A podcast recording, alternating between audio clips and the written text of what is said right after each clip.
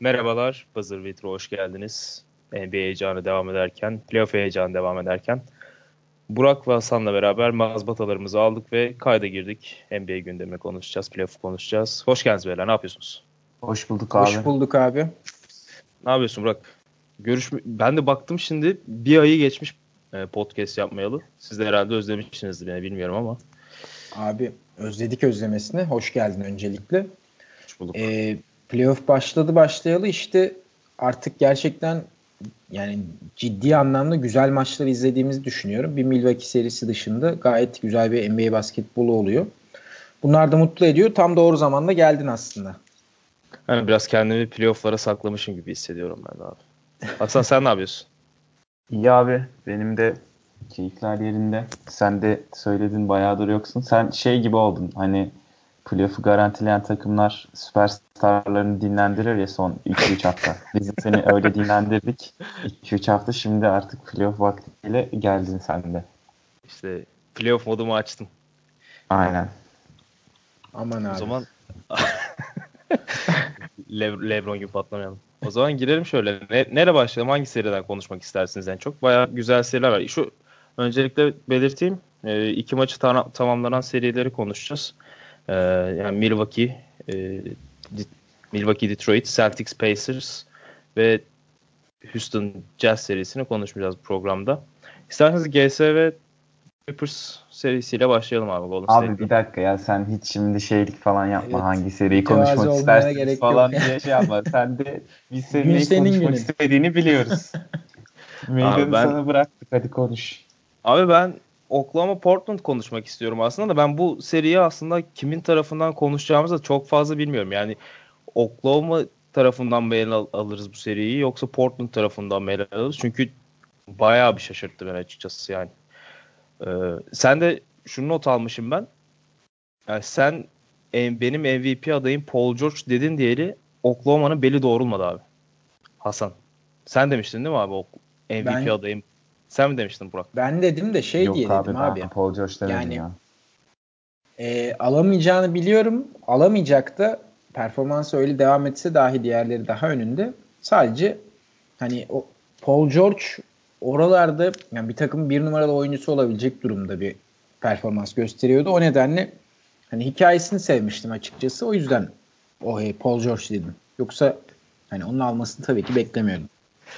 Takılıyorum ya. Ama hakikaten o, o programı sanırım Mart'ın başında yapmıştık. Ee, Paul George'un omuz sakatlığından önce yapmıştık o programı ve ondan sonra hakikaten böyle serbest düşüşe geçti Paul George ve şu anda da hala devam ediyor. Aslında dün de 28 sayı civarında attı ama e, yeterli olmadı Oklahoma için.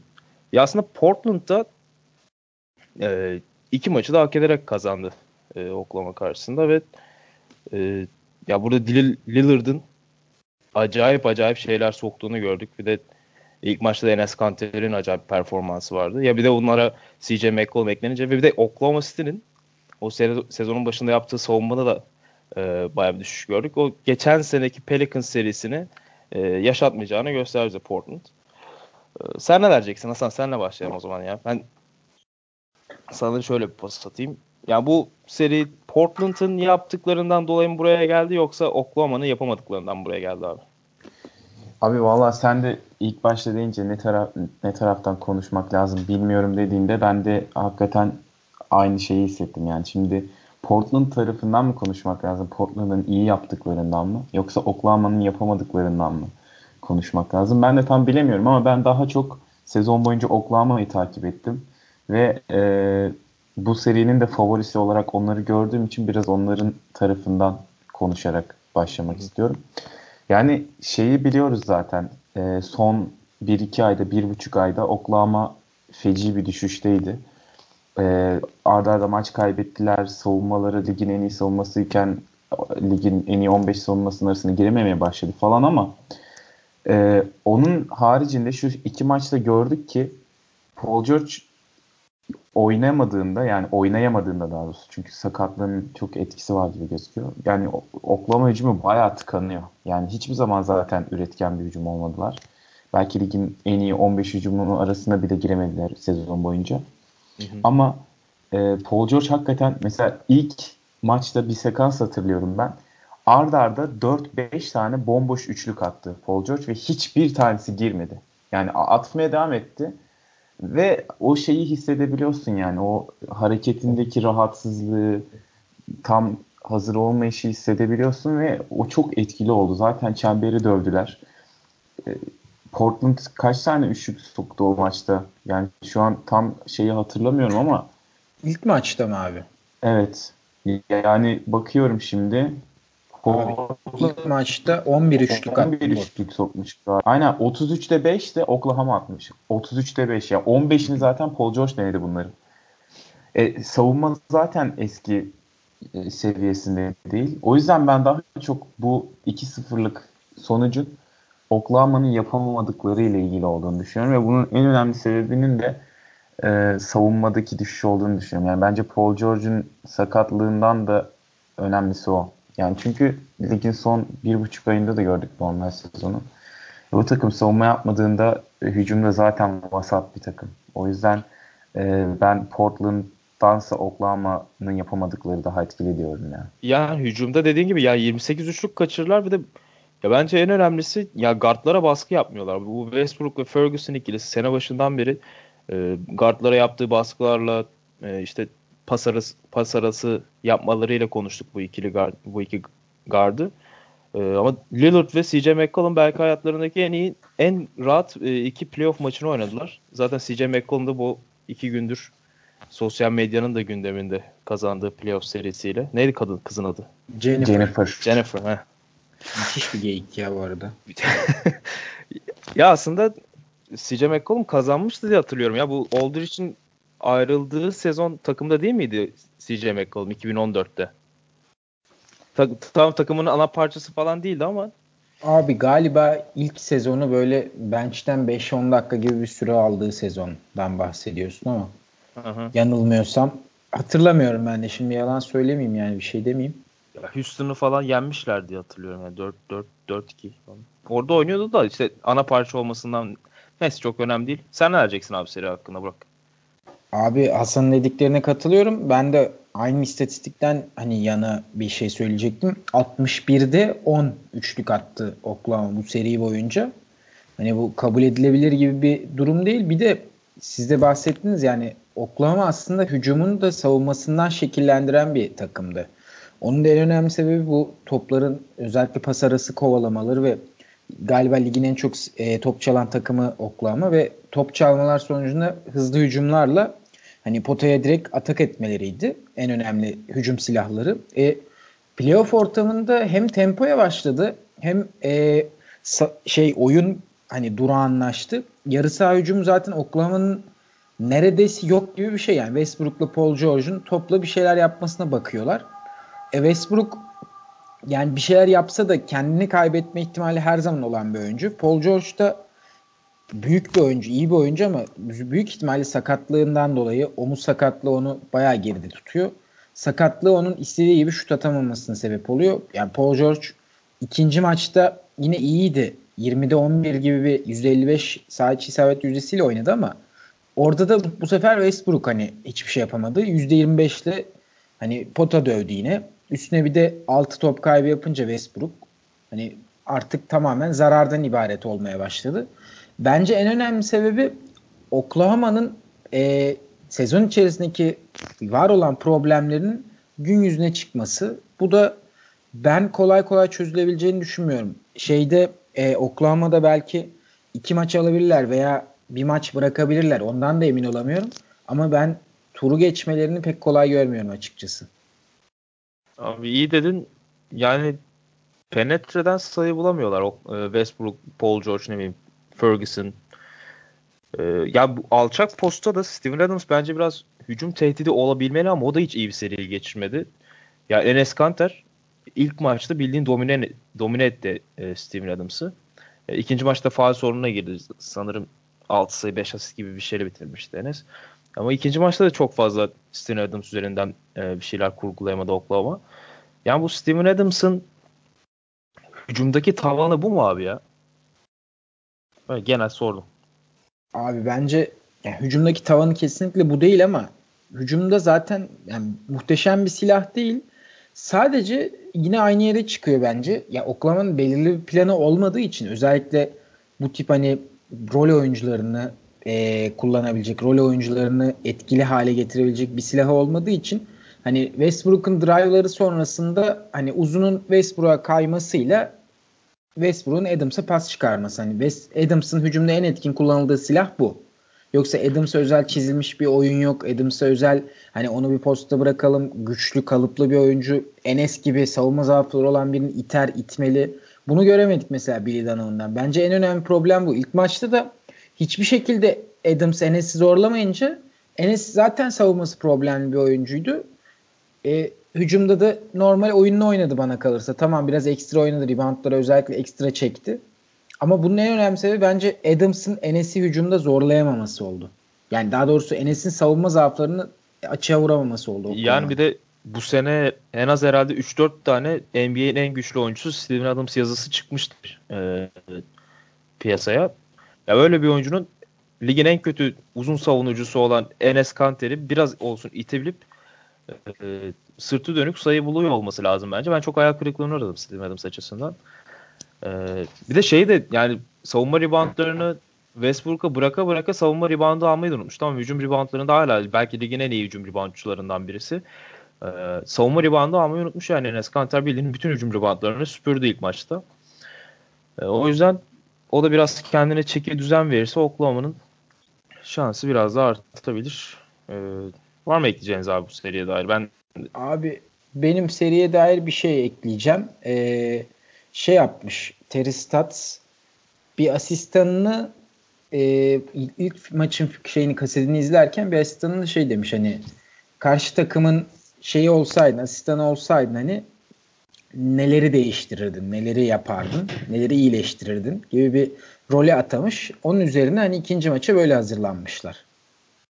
Ay. Böyle bir bilgi hani Terry Stotts da aslında iyi koç. E, iyi koç ama görevinin hani belki bu, bu playoff'ta elenirse özellikle ilk turda Oklahoma'ya mesela geçen seneki gibi bir 4-0 4-1 ile özellikle Hı.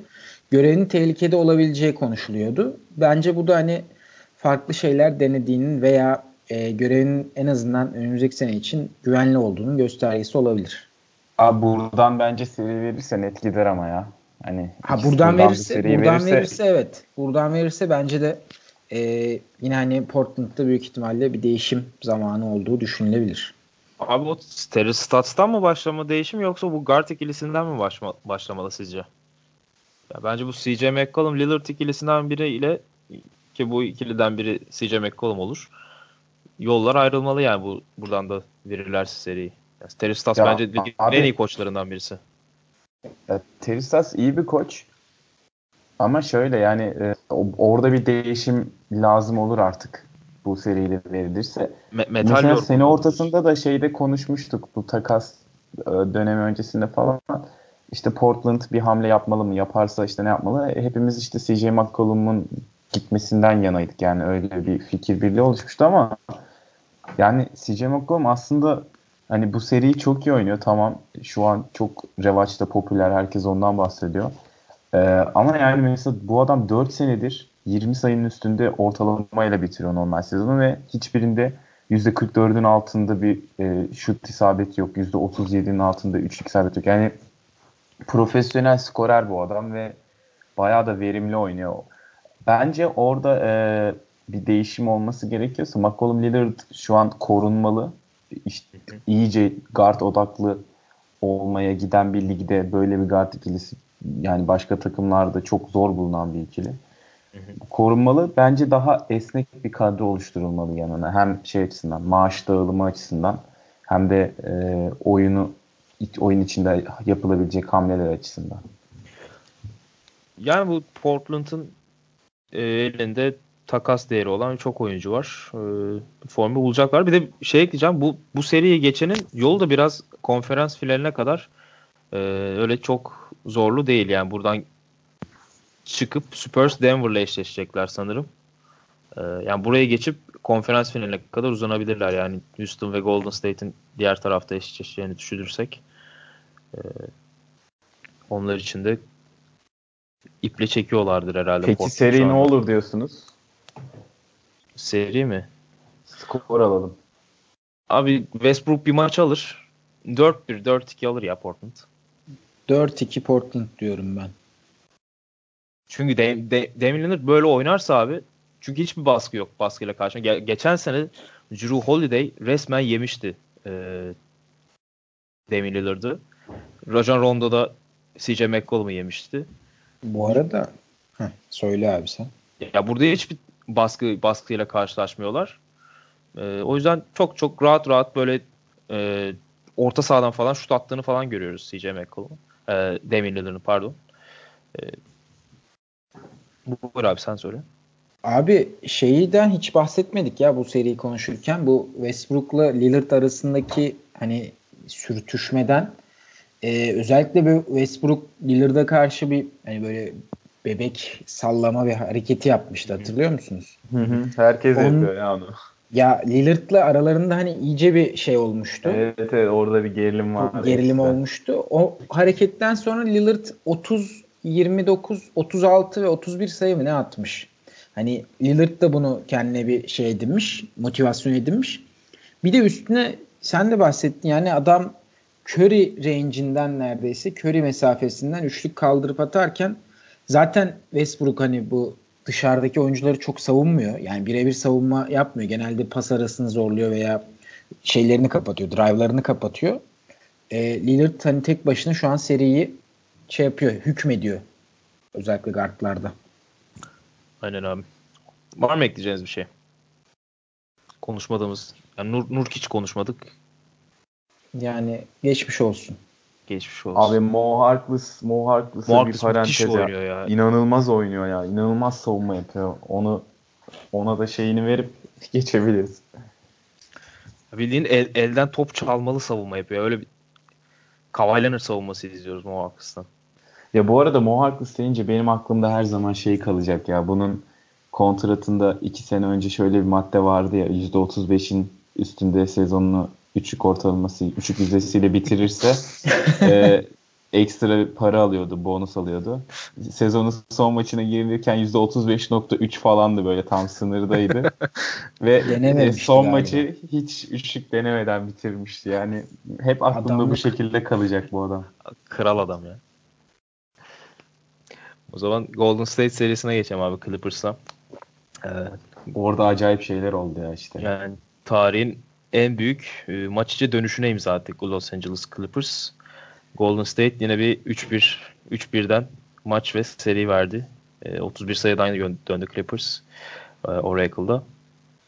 Ve yani bu sahada alınmış herhalde en acı verici ikinci galibiyetti e, rakipler için. Ya sizce bu Golden State'in endişe duyması gereken bir e, mağlubiyet mi? Hasan senle başlayalım bu sefer. Ya çok dramatik olduğu kesin. 31 sayıdan ve özellikle hani 3. çeyreğin ortasında 31 sayı yakalamışken hani mesela ilk yarıda falan yakalasan rakibin geriye dönmek için e, kocaman bir 24 dakikası var diyeceğim ama 3. çeyreğin ortasında yakalamışken or- oradan vermek çok acayip, çok dramatik ve kesinlikle bir etkiyi bırakacaktır yani Golden State'de ama çok endişelenmeli endişelenmeleri gerekiyor mu? Bence hayır. Ve zaten bence çok da endişelenmiyorlar yani şey olarak. Ee, sonuçta bir mağlubiyet bu da. Ee, tamam kendi sahanda kaybettin. Ama çok endişelenmeni gerektirecek bir durum yok. Çünkü e, yani günün sonunda Golden State yine Golden State ve Los Angeles Clippers'ta yine Los Angeles Clippers. O yüzden e, bence yine seriyi rahat geçeceklerdir. Yani çok endişelenmelerini gerektirecek bir durum olduğunu düşünmüyorum. Ama tabii ki iz bırakacak bir mağlubiyet. Ya ben de öyle düşünüyorum aslında ama yani Kevin Durant'in girdiği o psikolojiyi de düşününce e, şimdi Demarcus Cousins da sakatlandı. E, ya Curry ne kadar formda olursa olsun belki takımda bir e, düş, düşüş olabilir psikolojik açıdan. Çünkü Kevin Durant hakikaten Patrick Beverly sindirmiş durumda Kevin Durant'i. E, 9 top kaybı yaptı. 3'ünü top e, hücum faal yaptı Patrick Beverly'e. E, zaten skorer özelliğini unutmuş durumda son bir ayda falan 20 sayının üstünde attığı sayı e, maç sayılıdır. Yani sen ne diyeceksin Burak? Abi herhalde ilk maçta Beverly'nin yaptığı hareketler işe yaradı. Bir video vardı izlediniz mi bilmiyorum ama Böyle yani her şeyle Kevin Durant'le her eşleşmesinde neredeyse öyle bir e, kollarını bacaklarını sallıyordu. Garip garip hareketler yapıyordu. Kevin Durant etkilenmiş herhalde ki bundan ikinci maç 9 top kaybı. Dördünün 3'ü ya da dördünün hücum faal olması Beverly'e karşı. Bunlar hani Clippers adına umut verici ve güzel şeyler. Ben şöyle bir anım oldu. Maçı izlemek için kalktım. Biraz geç kalkmışım. Bir baktım 20 sayı fark var. Golden State 20 sayı farklı önde. Tamam yat, dedim yat. hani bitmiş yat, maç yat yat yat, yat dedim. Aynen. Sonra sabah işte Twitter'a bakıyorum. Hani şey böyle 30-40 sayıyla bitmiştir. 30 sayıyla bitmiştir diyorum. Twitter'a bir baktım işte Lou Williams falan filan bir şeyler yazıyor. Lou ne Williams oluyor falan dedim. ne oluyor falan dedim. Ondan sonra maçın tekrarını izledim. Yani öyle bir maçtı. Bir anda hani ne oluyoruz dedirten bir maçtı hakikaten. Galiba NBA ta- tarihinin en büyük e, playoff tarihinin en büyük geri dönüşlerinden biri.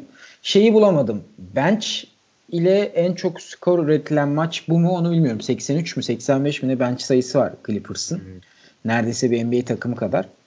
Ee, benim seriye dair söyleyeceğim şey de abi aslında yani Cousins'ın sakatlığı mutlaka olumsuz yanları olacaktır ama Golden State Golden State olmaya devam edecektir.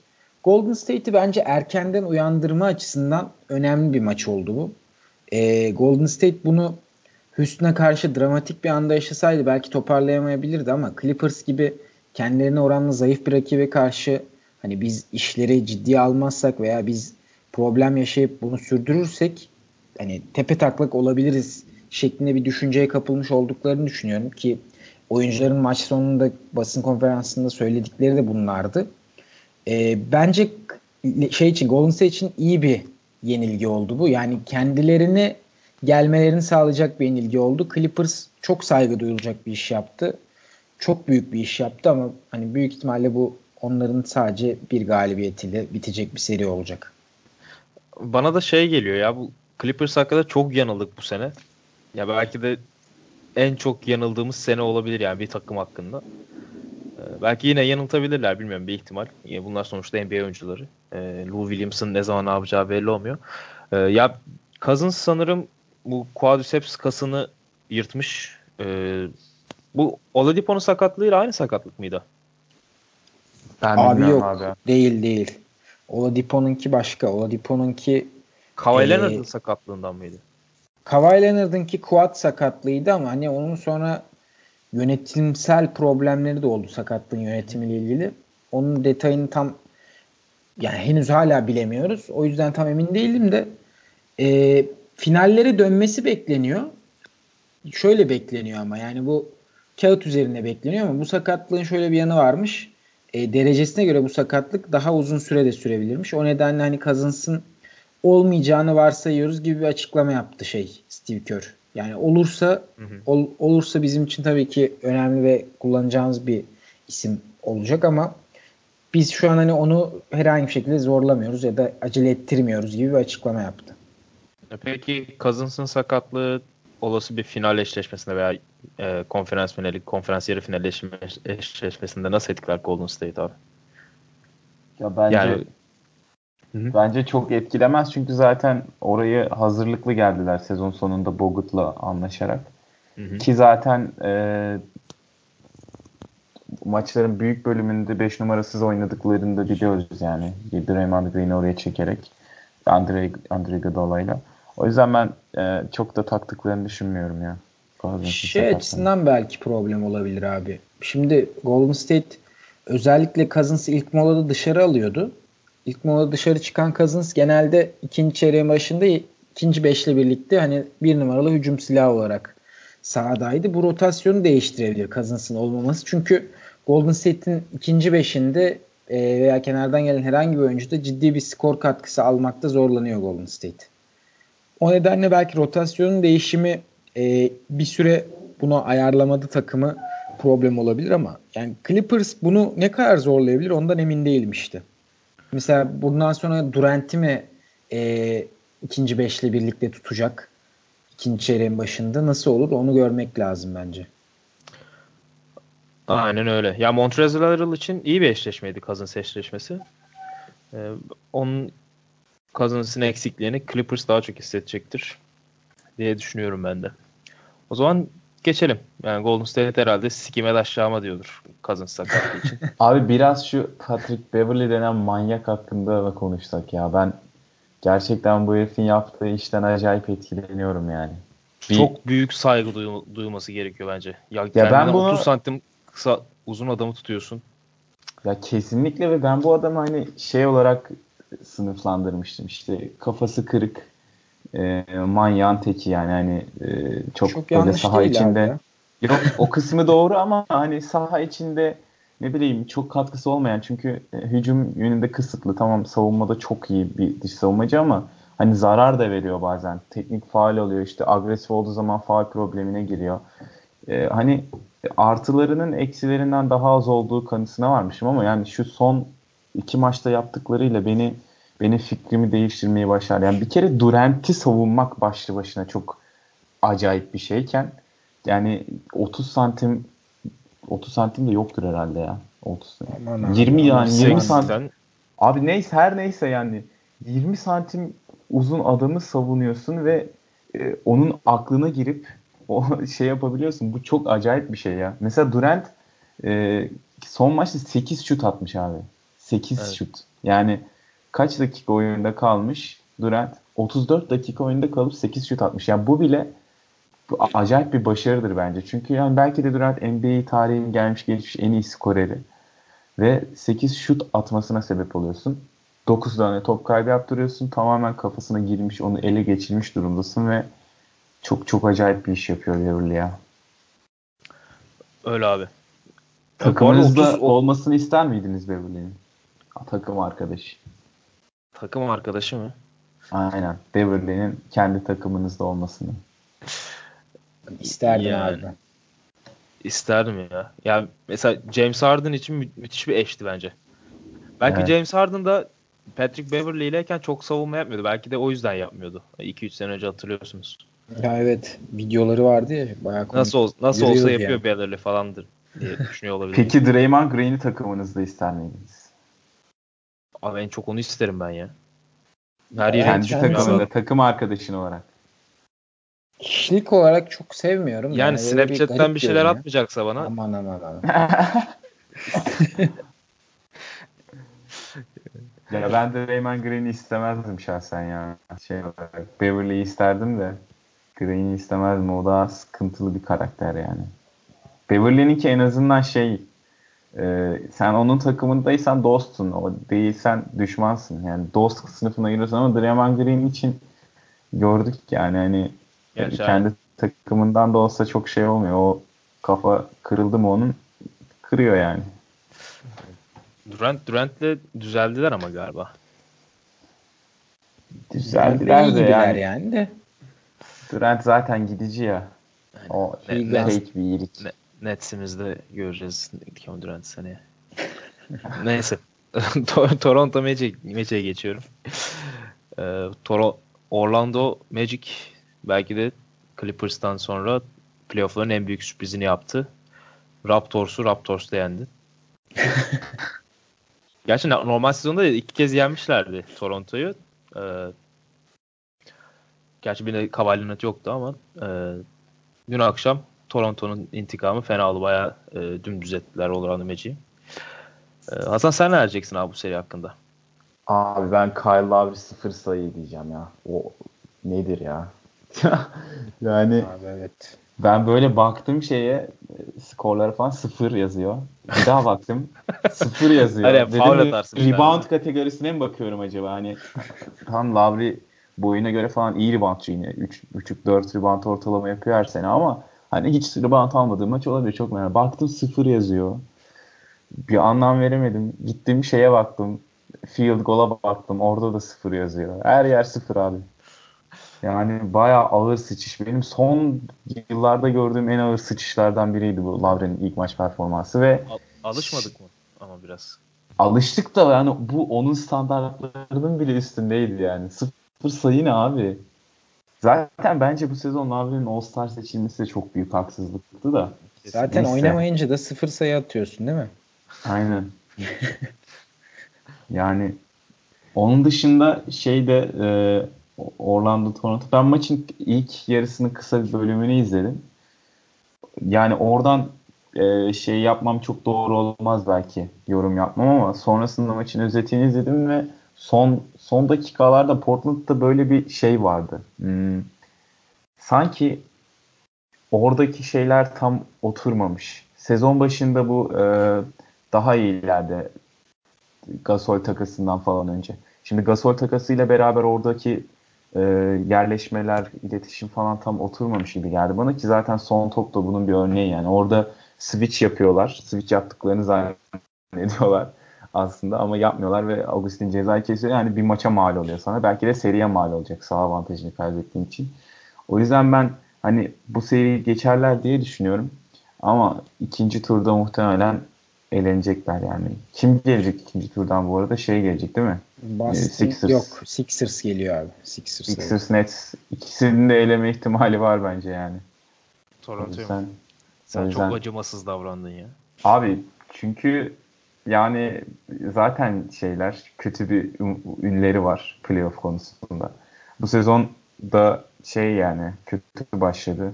Bilmiyorum pek bana şey vaat etmiyorlar. Bir ya bana da gidebilecekmiş. İlk maçta ilk maçta bana da öyle geldi ama ilk, ya dün akşamki maçta Kavailan'ın bildiğin bir ara 16'da 13 isabetle 32 sayısı mı ne vardı e, Kavailan'ın. Sonra da e, birkaç tane şut kaçırdı ama e, ya inanılmaz bir maç oynadı dün akşam. E, ya Magic hiçbir şekilde e, cevap veremedi. Sen ne diyeceksin Burak? Yani Magic'in bir maç daha bu evinde alabilme ihtimali var mı Toronto'da? Abi Toronto playoff'lara girerken benim doğudan favori olarak gösterdiğim takımdı. Ama ilk maç bir şey yaptı yani Hasan'ın dediği gibi ilk maçta ya Orlando'ya herhangi bir şekilde maç vermemeleri gerekirdi. Kyle Lowry sıfır sayı da atsa ki sıfır sayı attığı maçı son topta kaybettiler. O da ayrı bir muamma ama e, ben yine de Orlando'nun herhangi bir şekilde maç alabileceğini düşünmüyorum. Çünkü Orlando o kadar ilkel bir e, hücum anlayışı var ki tepede bir Vucevic roll'uyla hani şekillenen bir hücum anlayışı var. Başka herhangi bir şey denemiyorlar. Bir de Terence Ross girdiği zaman Terence Ross tek başına oynuyor. Yani o tek gerisi takım yanında dağılıyor. Hı. E, bu takıma Toronto gibi hani aslında en önemli gücünü e, takım olarak bir bütün halinde sistemli ve düzenli bir basketbol oynayarak almakla yani bundan alan bir takım gücünü ben akıl alamadı. Yani aklım almadı. İzleyememiştim ilk maçı. Dün iki, ikinci maçtan önce ilk maçı izleyeyim dedim. İzledim. Orada hani en önemli problem olarak ben şey gördüm. Ee, şey yapmıyorlar. Hücum ederken özellikle boyalı alanı çok az kullanıyorlar ya veya drive'ları hani teması çok az alıyorlar. Bu da e, Orlando gibi aslında hani temastan kaçınan bir takım için ekmeğini kaymak sürmekle aynı şey oluyor. İlk maçın en önemli yakın geçmesinin en önemli sebebi buydu bence. İkinci maçta özellikle Kawhi ve Lowry'nin Lowry genelde dış şuttan sayı bulsa da içeri, içeri girip zorlaması ve Kawhi'nin sürekli bu boyalı alanın etrafından şut denemesi bence en önemli artısı oldu Toronto'ya. Zaten 30 sayıyla da bitirdiler maçı. Ee, serinin geri kalanında bence bunu fark ettikleri için devam edeceklerdir diye düşünüyorum ve ben Orlando'nun kolay kolay maç almasını da beklemiyorum. Çünkü aradaki kadro kalitesi farkı ve süperstar gücü farkı e, maç almaya yetmeyecek bir fark bence. Ya inanılmaz bir kadro kalitesi fark var zaten. Ya belki hani Blake Griffin'de koyarsak Milwaukee serisinde ya iki takım arasında bu kalite farkının en açık olduğu seri belki de Toronto Magic e, serisi. E, ya bence Magic'in bir maç alabilmesi için Terence Ross'un ilk 5 ile beraber e, süre alması gerekiyor. Çünkü Vucevic üzerinde inanılmaz bir baskı var şu anda Toronto'dan. Ee, ya Vucevic de ilk 5'in yönlendiricisi. Ne kadar çok kötü bir seri geçse de yani felaket bir seri oynuyor. Ee, bu baskının da sonucu olaraktan. Terence Ross da onun tam tersine çok iyi bir seri geçiriyor. Ya bu Vucevic'in üzerindeki baskıyı azaltmak için Terence Ross'u ilk 5'e e, almaları belki bir hamle olabilir. Yani bilmiyorum Steve Clifford e, nasıl cevap verecek. Çünkü dün hiç iyi sinyal vermediler. Ya bence bahsetmemiz gereken diğer oyunculardan biri de DJ Augustin. Yani ilk maçta inanılmaz bir maç oynadı. Ya hani Kyle Lowry'nin maçını oynadı ya. Ya hani Kyle Lowry'nin sıfır sayısı diyoruz ama Ya DJ Augustin'in performansı belki daha böyle maçın özeti olabilecek bir e, performans. Yani 13'te 9 isabet. Sadece bir top kaybı. 5'te 4 üçlük. 25 sayı 6 asist. Bir de maçı kazandırdı. O da acayip bir üçlüktü zaten. Ee, inanılmaz bir maç oynadı. İkinci maçta Danny Green de savundurdu. Ee, Nick Nurse, DJ Augustin'i. Ee, bayağı vasat vasat altı bir maç e, geçirdi DJ Augustin'de ikinci maçta. Ya bilmiyorum ben Terence Ross'un Orlando'daki seride e, maçlarda ilk 5'e yerleşmesinin belki Vucevic'in üzerindeki yani DJ Augustin'in de üzerindeki baskıyı biraz hafifleteceğini düşünüyorum. E, belki daha e, çeşitli hücumlara girebilirler. Yani iyi savunma yapıyorlardı. Jonathan Isaac bu arada Aaron Gordon'dan da bahsedeyim. Ya bu inanılmaz savunma yaptık Kavaya karşı ilk, ilk maçta bilmiyorum dikkat ettiniz mi ama e, ben Aaron Gordon'un bu kadar iyi savunma yapabildiğini bilmiyordum. Ya abi zaten Aaron Gordon'un şu ana kadar süperstar olamaması bence çok saçma bir şey ya. Yani bu kadar Her müthiş şey hazır. bir fizik, bu kadar müthiş bir atletizm, şutu, şutu ekledi, handling var falan ama yani bir türlü o eşiği aşamıyor yani. O çok acayip mükemmel bir savunmacı olmak için de bütün donanıma sahip. Çok mükemmel bir abi. reboundçı da olabilir. Çünkü havada o kadar uzun kalıyor ki zıpladığında reboundlara. Evet ya o ikinci zıplaması falan da çok acayip ama gerçekten ilginç. Ben yani yıllardır o patlamayı yapacak yapacak diye bekliyorum. Bu sene hatta geçen sezondan da geriye gitti yani. Daha genç ya. Ya evet hala daha genç ama. Genç Gordon. genç Gordon Var mı ekleyeceğiniz bu seriye dair abi? Yok abi ben zaten çok az izledim bu seriyi o yüzden ekleyecek bir şeyim yok. Abi şunu ekleyeyim. Ee, Orlando'nun koçtan dolayı Steve Clifford NBA'de çalıştırdığı takımlarda en az top kaybı yaptıran koçlardan birisi. Hı hı. Bu sene de ligi 5. bitirmişlerdi galiba. İlk maç 11 top kaybı yaptılar. İkinci maç 17 top kaybı yaptılar. Bu da hani iki maç arasındaki farkı anlatan en önemli sebeplerden biri. Toronto e, zaten maçı 16-2 mi ne başladı? 16-2'de başlarken iki top kaybı hani daha 4-5 dakikada yapmıştı Orlando. Bir de üstüne 9'da 1 mi? 9'da evet 9'da 1 ile mi ne başladılar? Hani bu da Orlando'nun aslında problemlerini Toronto'nun nasıl açık ettiğinin göstergesiydi ikinci maç özelinde. Orlando çok ya bildiğim maça gelmemiş gibilerdi. Faul, faul çizgisinden de çok kötü attılar. Ee, dediğim gibi 16-2 başladılar. Sonra Terence Ross girince biraz değişti. O da 6-7 dakikada 15 sayı attı. İlk yarıda çok e, acayip bir maç oynadı Terence Ross. İkinci yarıda düştü. Dediğim gibi top kaybını minimumda tutabilirlerse Toronto'ya karşı bir şekilde şansları var. E, maç, maçta or, maça ortak olma anlamında. Kesinlikle. Tamam. Bakalım ne olacak abi. E, o zaman Spurs Nuggets eşleşmesine geçelim. Varsa yoksa ekleyeceğiniz. Yok abi. Yok abi Yok. Tamam o zaman Spurs Nuggets diyelim. Onlar da aynı maçtan iki tane oynadılar. Ee, sadece kazanan taraflar değişti. Birincisi Spurs kazandı ilk maçı, ikincisinde Nuggets kazandı. Ee, iki maçı da genellikle Spurs önde götürdü. Yani ben ikisinde de kazanacaklarını düşünüyordum ama son maçta ilk maçın e, kaybedilmesinin sebebi Jamal Murray ikinci, ma- ikinci maçın son çeyreğinde adeta çıldırdı. Yani 20, 20 sayı falan attı galiba son çeyrekte. 21. Yani 21 atmış. Ee, ya değişen şeyler nelerdi abi iki maçta? Hasan senle başlayalım. Abi bence yok için agresifliği e, değişti ya şey olarak. Yani tamam Murray'ninki çok eksi ve dediğin gibi çok benzer iki maç oynandı. E, Murray'nin son çeyrek performansı değiştirdi. Ama yok hiç agresif olduğunda bence Denver çok daha farklı bir takım hüviyetine bürünüyor şey olarak. E, genel hücumda. Ama e, mesela ilk maçta kaç şut attı? Şu an bakıyorum Jokic. Jokic 9 şut denemiş. Yani mesela e, bu sezon başında da Denver'ın aslında çok konuşulan bir noktasıydı. Jokic yani çok verimli atıyorken e, takımda hücumun birinci opsiyonu olup verimli kalabiliyorken neden mesela 5-6 şutlu bitirdiği maçlar oluyor falan diye herkes soruyordu. İşte bunun üstüne yazılar yazılıyordu falan. Sonra yok hiç e, aldı saz eline işte 30 sayıyla 40 sayıyla bitirdiği maçlar oldu falan. Sezon sonuna kadar öyle devam etti. İlk maçta da e, sezon başındaki Jokic'i gördük. Tam triple double yaptı ama 9 şutla 10 sayı attı. Faal çizgisine iki kere gitti. Yani bence iki maç arasında değişen e, yok için agresifliğiydi ve bence yok için agresif kalmak zorunda e, Denver Nuggets adına. Yani e, tamam Denver hiçbir zaman çok şey e, tek kişiye bağımlı kalmadı. Bir takım olarak halletmeye çalışıyorlar her şeyi ama bu takımın tek yaratıcısı yok hiç hücumda. Yani ben Cemal Murray'e Cemal Murray bence bir numara bile değil ya. Gerçekten hani iki numara Cemal Murray oyun kurucu olacak e, şeye sahip değil. Yeteneklere sahip değil.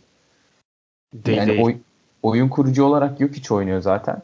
O yüzden onun daha fazla şut kullanması gerektiğini düşünüyorum ben. Eğer hani serinin devamında da e, aynı şeyi devam ettirmek istiyorlarsa ikinci maçtaki. O yüzden e, böyle yani yok hiç diyorum ben kritik nokta yok işin agresifliği. Burak sen ne diyeceksin abi var mı? Ne, neydi sence iki maçta değişen? Neden kazandı Nuggets? Abi Jamal Murray tabii ki. Jamal Murray'nin ilk maçtaki e, kötü oyunu ve karar anlarındaki hataları pahalıya mal oldu. İlk maçı verdiler. İkinci maçta Murray çıldırdı. Bir de Denver topun kıymetini çok daha iyi bildi. E, ikinci maçın sonunda %5'in altında ilk defa bu sezon bir top kaybı yüzdeleri var. Yani Denver'da e, galiba Murray, Gary Harris ve Will Barton top kaybetmedi. Montemoris, Malik Beasley de keza. Onun yanında Millsap 1 ve Jokic 3 top kaybetti. Başka top kaybeden yok zaten. Yani topun değerini bilmek özellikle Spurs gibi doğru basketbol oynayıp neredeyse bütün şutlarını doğru seçen, neredeyse bütün hücumlarını doğru yapmaya çalışan bir takım için çok değerli oluyor. Buna rağmen yine işin Murray'nin aslında bireysel performansına biraz bağlı kalması veya onun sayesinde işin bitmesi beni biraz düşündürüyor. Acaba Denver sandığımız kadar e, etkili veya sandığımız kadar rahat bir seri geçirmeyecek mi diye düşünüyorum ben. Kalanı için özellikle maçların. Ama burada büyük ihtimalle ufak nüanslar ve e, oyuncuların bireysel patlamaları bence şey yapacak. Serinin kalanında etki gösterecek. Burada ben Spurs'u biraz önde görüyorum. Bunun sebebi de bence e, DeRozan ve Aldridge'in birincisi buraları oynamayı daha iyi bilen oyuncular olmalarının ötürü. İkincisi de bireysel olarak bu tip patlamaları Jokic gibi bir isimden daha iyi yapabileceklerini düşünmemden dolayı. Çünkü Jokic hiçbir zaman e, yüksek şut yüzdesiyle pardon yüksek şut rakamlarıyla veya yüksek sayılarıyla dikkat çeken bir oyuncu olmadı. Daha çok e, çok yönlü oyunuyla dikkat çekti. Hı hı. Belki bu hani onların seride zor anlar yaşamasına sebep olabilir diye düşünüyorum Denver açısından. Aynen abi ya zaten DeRozan da dün harika oynadı. Özellikle ilk yarıda. E, her attığı geri neredeyse. E, ya DeRozan iyi oynayınca hakikaten çok keyif veren bir oyuncu. E, bana keyif veriyor açıkçası yani. Bel, belki Kesinlikle. bazıları beğenmiyordur. Ben seviyorum. O orta mesafe basketbolunu seviyorum yani. E, tatlı geliyor bana. Kobe'ci misin sen de ya? Kobe'ci değilim. Hatta sevmem. E, ama seviyorum yani. T-Mac'çiydik biz eskiden. Evet o da çok atardı. Evet. Zaten eskilerin olayı buydu. Mesela Kevin Durant de eskiden çok atardı abi. Kaldı mı midrange eskisiyle? Abi mesela şey e, Aldridge dedin patlama yapması daha muhtemel dedin. Hakikaten öyle ya. Ben Aldridge ve playofflar denince her ne kadar böyle oyun tarzı playofflarda sıçmaya ne kadar elverişli gözükse de direkt aklıma Houston serisi geliyor 2014'teki. O, o seri hep böyle Lillard'ın son saniyede getirdiği e, üçlükle hatırlanır ama o, o seride Lamarcus Aldridge 40 sayı ortalamayla falan oynamıştı galiba 6 maçta. E, 40 sayı 40 sayı 40 sayı atıyordu sürekli. E, domine etmişti Dwight Howard adeta. E, ya gerçi onun üstünden 5 sene geçmiş şimdi bakıyorsun ama adam geçti 30 yaşını geçti. E, o tarz bir patlama Spurs açısından tarafından daha çok daha kolay gelebilir dediğin gibi. Bekleyip göreceğiz. E, ya bu seriye dair öyle çok fazla göze çarpan bir detay da var mıydı? Lamarcus olduğu için bir yumruğu var. Jamal Murray'e e, özel bölgesine bir yumruk atmış. Çok da iyi çok, izlemiş abi. İnanılmaz. Ben 3 kere falan tekrarına bakınca görebildim. Videoyu falan yavaşlattım izlerken. yok için taktik efsane yalnız böyle ağrısını alması için. zıpla evet. zıpla falan diyor. Yani bu seriye dair direkt işemek lazım öyle bu anlarda abi. Direkt bak. Tehlikeli. Yani bu seriye dair ekleyebileceğim tek not da buydu. Sizin de yoksa Philadelphia Brooklyn serisine geçelim abi. Sonra da bitiririz yavaştan. Abi bu seri nasıl biter ya ben kestiremiyorum. Gönlüm Denver'dan yana net de o. E, 4-2'de alır diye düşünmüştüm. Ama benim etrafımda çok fazla Spurs'lu var. Hepsi de şey diyor yok işte Denver'ın içinden geçeceğiz. Şöyle yeneceğiz böyle yeneceğiz. İlk maçı da şey alınca şey, hepsi şey, şey yaptı böyle. İlk maçı da alınca hepsi gaza geldi. Yok aldık bile zaten seriyi falan filan. Ya yani, şöyle diyeceğim ama haksız da sayılmazlar abi. O Spurs evinde belki ligin en iyi takımlarından biri. Tam Denver de öyleydi belki ama e, ya yıllardır Spurs AT&T'de maç vermez. Nasıl olacak şimdi? Bu iş çok 4-2 Spurs veya 4-3 Nuggets diyorum ben. Burak ben, sen ne diyorsun abi? E, 6. maç şeyde değil mi? Spurs'te. 4-2 evet. Spurs o zaman abi. Ayda. Ya ya 4-2 Spurs ya 4-3 Nuggets abi. 7'ye ben de kalırsa Nuggets, Nuggets alabilir. diyorum o zaman ya. Ben Nuggets alır diyorum. Çünkü yani ama bak. çok çok objektif olarak değil ya. Biraz alsın istediğimden. Sıkıldım artık Spurs'tan yeter. Ben de sıkıldım. O ayrı ama e, Spurs'un aslında bu bu seride oynadığı basketbolu sevdim ben ya. Ben de abi. Ya, ya ben Derek White Derek White dışında Spurs'e dair sevilebilecek bir şey belki Bertans biraz ama onu da o kadar çok haksızlık ediyor, oturtuyor ki Popovic. Yani bilmiyorum. Bertans yüreği yeter ya. Bertans harbi çok kal- kalite topçu ama çok az süre oluyor. Abi bildiği vardır herhalde adamın. Abi bu arada Motionas'ın Motionas'ın sessiz sedasız geri dönmesi ne var oldu bu olaydan kaçırdım ya. Ben de kaçırdım. yani şu an Spurs'ta oynuyor biliyor musunuz bunu? Motionas Spurs'ta oynuyor. Ben bugünkü maçın sonunda şeye yürürken gördüm. Bench'te değil de şey soyunma odasına yürürken gördüm abi. Hatırladım sonra. Ben Houston'da hatırlıyorum en sonunu. Kalple ilgili bir problemi çıkmıştı sanki. Evet evet onun bir şeyi olmuş. Avrupa'ya dönmedi zaten. Ben de öyle hatırlıyorum. Yani döndüyse de kaçırmışımdır.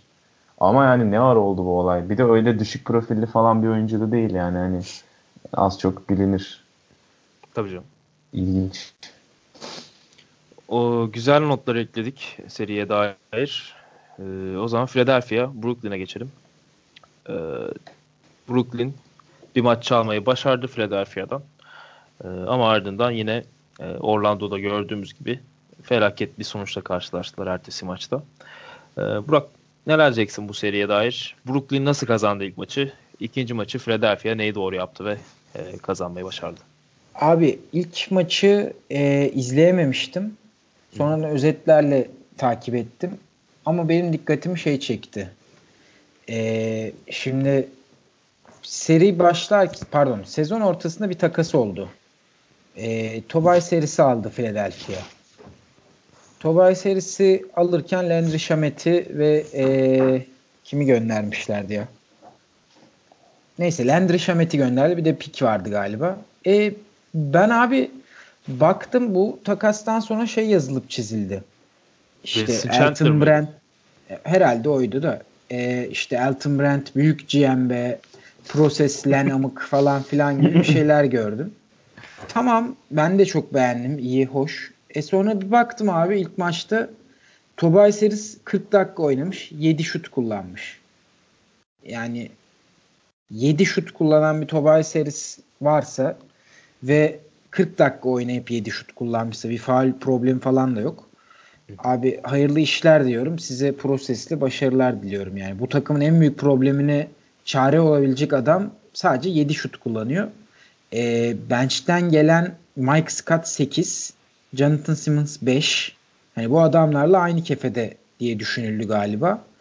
O yüzden ben ilk maçın probleminin Tobay serisi olduğunu düşünüyorum. Ve ikinci maçtı zaten yani o maç bambaşka bir maç zaten de 20 sayı farklı bittiğine bence bakmamak lazım. E, bu maç hani 3. çeyrekte Philadelphia 51 sayı atıp rekor kırınca Hani hadi evinize dedi. İlk yarı başa baştı zaten. İlk yarı başa baştı. Ee, burada da hemen baktığımızda da Tobias Harris'in yine düşük bir şut e, sayısına sahip olduğunu görüyorum ama ben yine de potayı zorlamasından dolayı özellikle 19 sayılı maçı bitirmesi ve hani takımın e, plus minus'ta bir numarası Tobias Harris'ti o maçta. Hı hı. Ben en büyük problemi burada gördüm ve yani Tobias Harris'i bu sebeple aldığınız bir oyuncuyu 7 şut kullandırmamanız lazım. E, ben Philadelphia koçu Brett Brown'un bu playofflar sonuna gitmesine kesin gözüyle bakıyorum. Ya kesinlikle abi. Yani Tobias Harris e, dedin ama dolaylı yoldan Brett Brown yani Tobias Harris'in 7 şut kullanmasının birinci sebebi tabii, tabii. Brett Brown'un onu yanlış yanlış kullanması. Ee, ya aslında ilk maçta da biraz ilk 15 dakikası e, Philadelphia çok rahat al- alacak bu seriyi gibi gözüküyordu. Joel Embiid 3. Üç, 3. dakikada Jared Allen 3. faulünü aldırınca dedik herhalde bu iş böyle gitmeyecek. Sonra işte Embiid sakatlandı bir şeyler oldu. E, Brooklyn geri dönmeye başardı. O zaman Hasan sen de biraz bize D'Angelo Russell güzelle. Abi D'Angelo Russell'ın bu seride çok güzellenecek bir tarafı yok ya. Yani ilk maç iyiydi falan ama yine çok fazla şut atıp düşük yüzdeyle atıyor yani. Hı hı. İlk maçta 25'te 10. E, ikinci maçta da 16'da 6 attı yani toplam ikisinde de. Abi şunu diyeceğim. Altında. Ya ben ya bilmiyorum kesin vardır ama ben maç içinde bu kadar e, zirveyi ve dibi bu kadar gören oyuncu görmedim ya D'Angelo Russell kadar. Ya 10 10 şut üst üste kaçırıp 8 şut üst üste sokabiliyor bu adam. Çok garip bir e, ritmi var. Bilmiyorum yani nereye kadar böyle devam edecek. Yani çünkü takıma zarar verir abi bu. Ya evet mesela şu e, sezonun ilk bir, bir buçuk ayını çıkardığın zaman aslında o problemi biraz çözmüş gibiydi. Hani böyle gazla ritimle oynama alışkanlığını bırakmış gibiydi. Yani şutlarını daha iyi seçiyordu falan.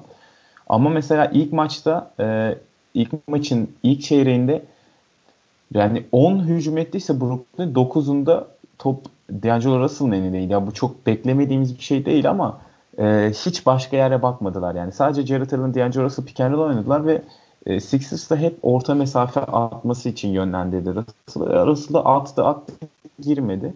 Ama sonra 3. çeyrekte toparladı falan biraz. Yani o yüzden bu seride aslında çok iyi gözükmüyor şu anda e, şey olarak. Yani sezonun o All-Star öncesinden sonuna kadar olan kısmındaki müthiş performansı yok. Ee, onun dışında ben Philadelphia ile ilgili birkaç bir şey söyleyeceğim.